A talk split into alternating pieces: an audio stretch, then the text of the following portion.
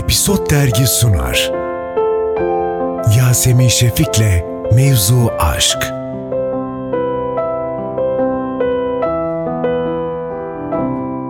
Efendim Mevzu Aşk'tan herkese merhaba. Episod Dergi'de şu anda, Episod TV'de çok güzel biri var ve kendimi gerçekten az önce sevgisi tarafından aldatılmış gibi hissediyorum.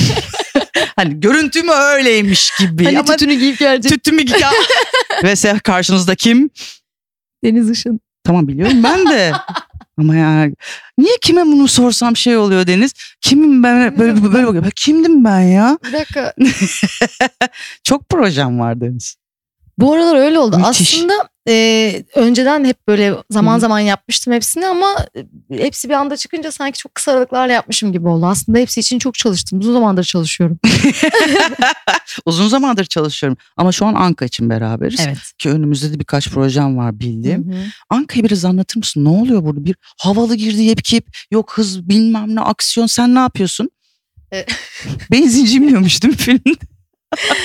E, yani evet aksiyon Hı hı. ve içinde arabesk ögelerde barındıran bir aksiyon Hı hı. filmi. E, ben de bu aksiyonun başrolünde olan e, adamın sevdiği kadınım.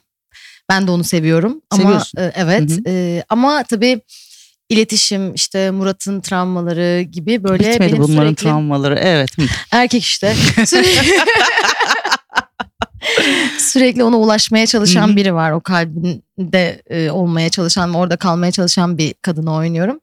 E, çabalıyorum onu hayata döndürmek için böyle bir rol üstleniyorum. Sen de böyle aksiyonun içine dahil oluyor musun peki Deniz?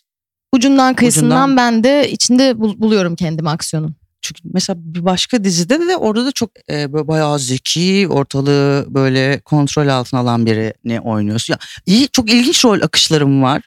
Özellikle yani böyle farklı olması beni çok mutlu ediyor. Yani e, her seferinde çünkü her e, karakteri de bu zamana kadar oynadığım oynarken hep böyle bir şeyler aa hani belki de hayatım boyunca hiç içinde bulunmayacağım bir durumda bulunduğumda ne yapacağımı düşünmüş oluyorum mecburen.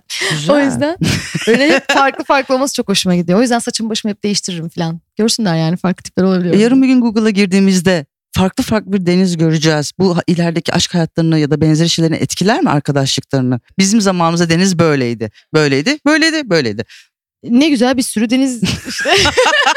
Zaten ikizler burcuyum da. Okey kapatıyoruz program bitti. İkizler burcu olmak zor değil mi? Ya dışarıdakiler zor gibi şey yapıyor ama Dışarı, bize zor zaten. İşte size zor Yani- gibi ama aslında bize zor. yani içeride bana biraz e, zorluyor beni ama seviyorum. Çok seviyorum Burcu'mu ya.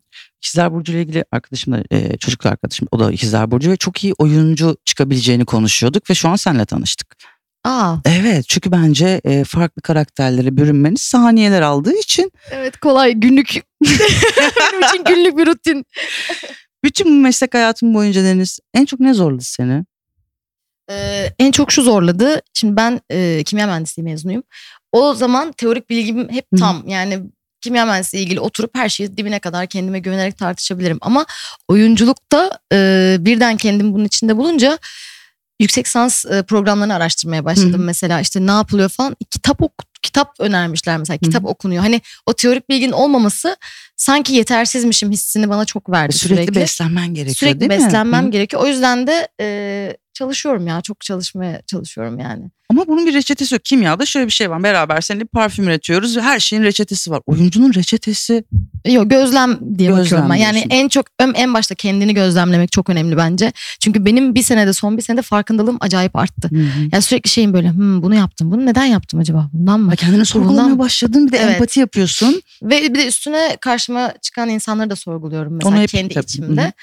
Gözlem e, çok şey kattı bana ama yormuyor yormuyor. Yormuyormuş kendini. Okey. Teşekkür ediyoruz bizimle olduğun için. Ben teşekkür bay. ederim.